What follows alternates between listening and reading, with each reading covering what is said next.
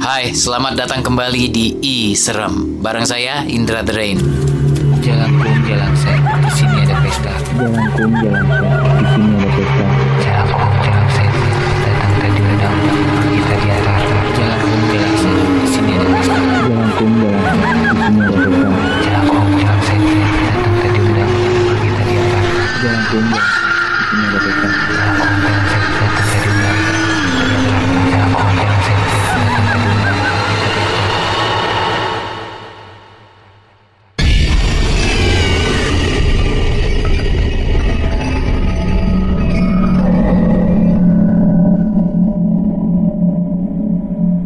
Sudah ada sebuah cerita yang siap untuk diceritakan kali ini. Namun sebelumnya, kalau Anda punya pengalaman pribadi, cerita serem yang Anda alami sendiri dan ingin Anda ceritakan, silakan nanti tuliskan dan kirimkan lewat email ke program at iradiofm.com atau bisa juga lewat DM ke Instagramnya at podcastrsj. Rasanya nggak asing lagi kalau kita mendengar cerita horor yang dialami mahasiswa yang harus tinggal sendiri karena kuliah di luar kota. Atau mungkin Anda pernah ngalamin juga. Kali ini ada sebuah kiriman cerita yang dibacakan langsung oleh Vera tentang pengalaman horornya ketika masih menjadi mahasiswa dan harus tinggal di luar kota, tepatnya di kota Malang. Untuk tahu cerita selengkapnya, langsung aja kita dengarkan cerita dari Vera di I Serem. Hai Kak Indra Hai juga para pendengar Iserem Perkenalkan, gue V.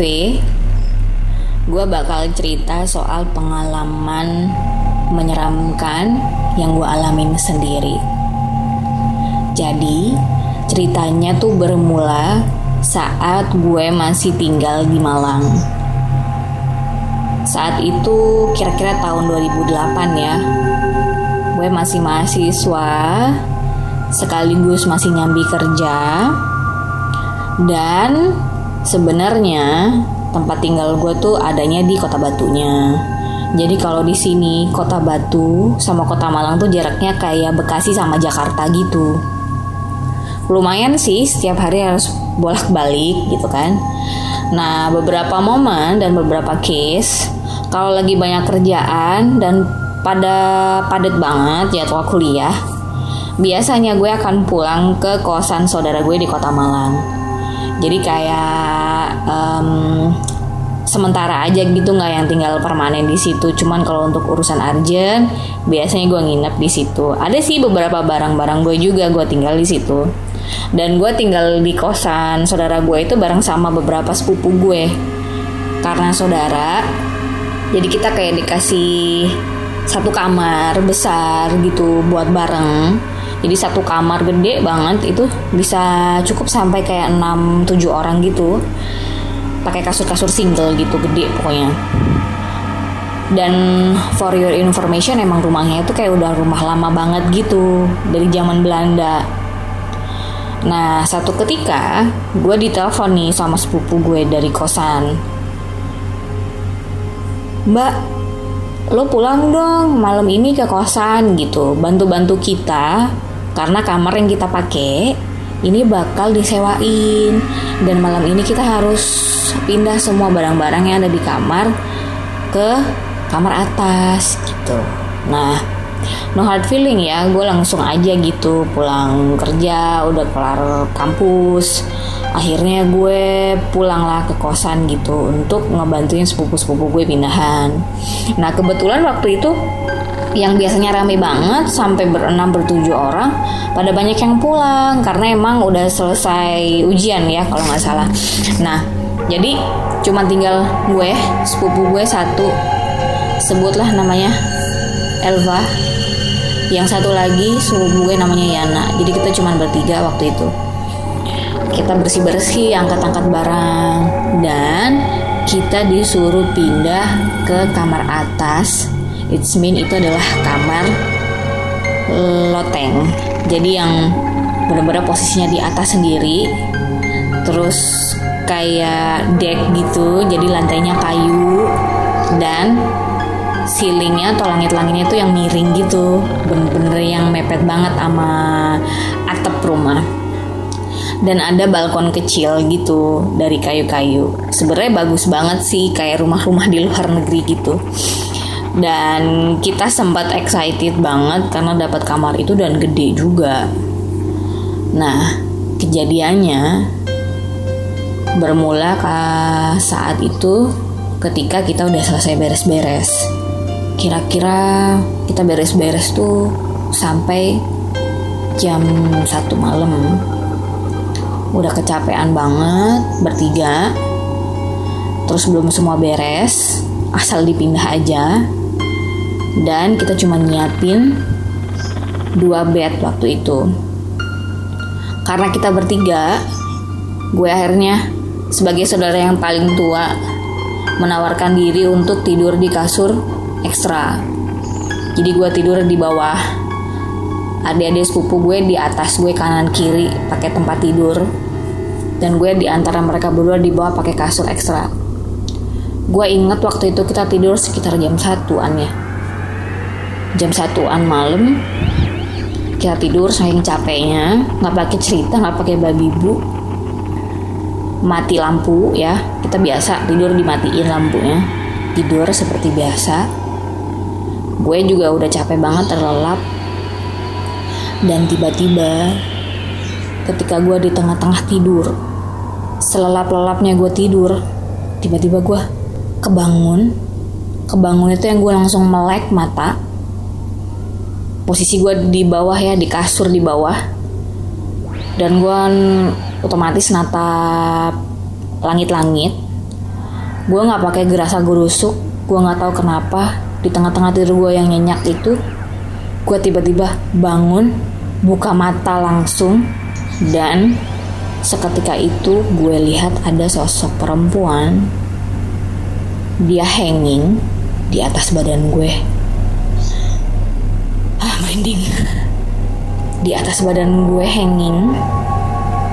Lu bisa bayangin ya dia kaki itu ada di dada gue di atas dada gue. Asli gue sampai sekarang masih merinding kalau inget-inget. Terus dia kayak posisi ngegantung gitu. Rambut awut-awutan dia pakai baju tidur kayak daster lama gitu. Dan yang paling scary adalah matanya natap gue itu pengalaman yang paling gila sih seumur hidup. Kalau gue ditanya soal pengalaman horor. Gue nggak bisa berkata apa-apa. Gue shock gue takut. Sekejap gue langsung nutup mata. Dan gue berusaha nggak teriak karena gue tahu ada di sepupu gue kanan kiri itu pada penakut semua dua-duanya. Kalau gue ketakutan dan gue teriak mereka bakal histeris asli gue nggak tahu waktu itu apa yang harus gue lakuin. Yang gue tahu gue cuma bisa nutup mata gue nggak bisa bergerak dan gue yakin gue nggak mimpi. Bener-bener itu sosok perempuan itu benar-benar ada di atas gue. Benar-benar kita tatap muka bayangin aja. Di situ dalam hati sambil nutup mata gue cuman bilang please gue tahu lo ada di sini dan lo jangan gangguin gue sama adik-adik gue gue nggak tahu kenapa kok gue yang diliatin sama dia.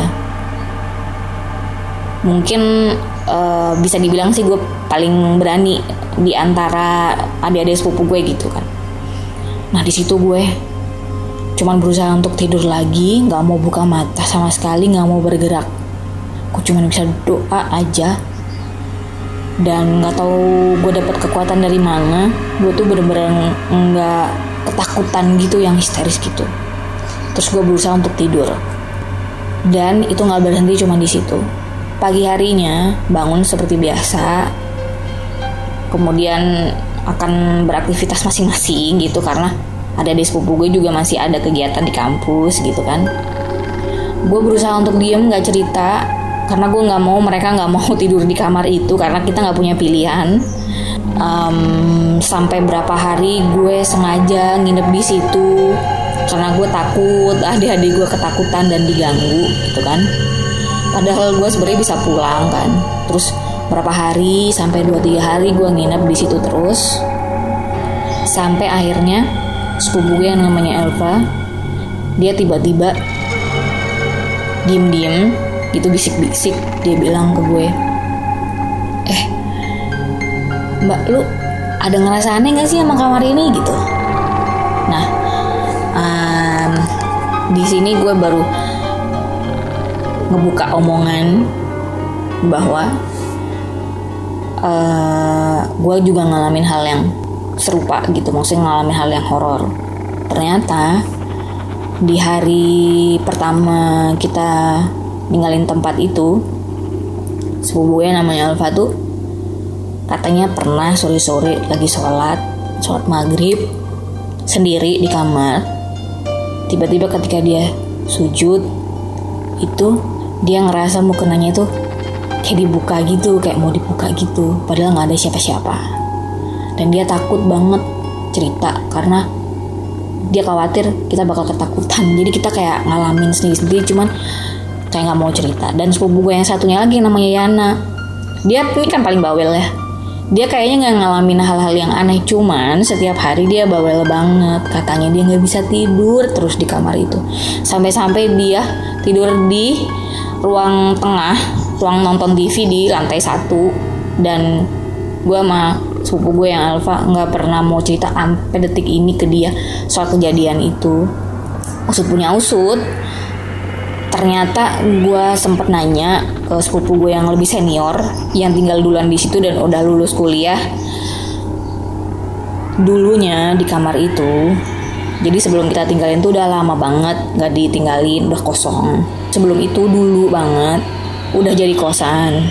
Ada salah satu penghuni kos orang luar Jawa yang jadi mahasiswa di kota Malang jadi dia itu sakit. Nggak tahu nggak jelas sakitnya apa.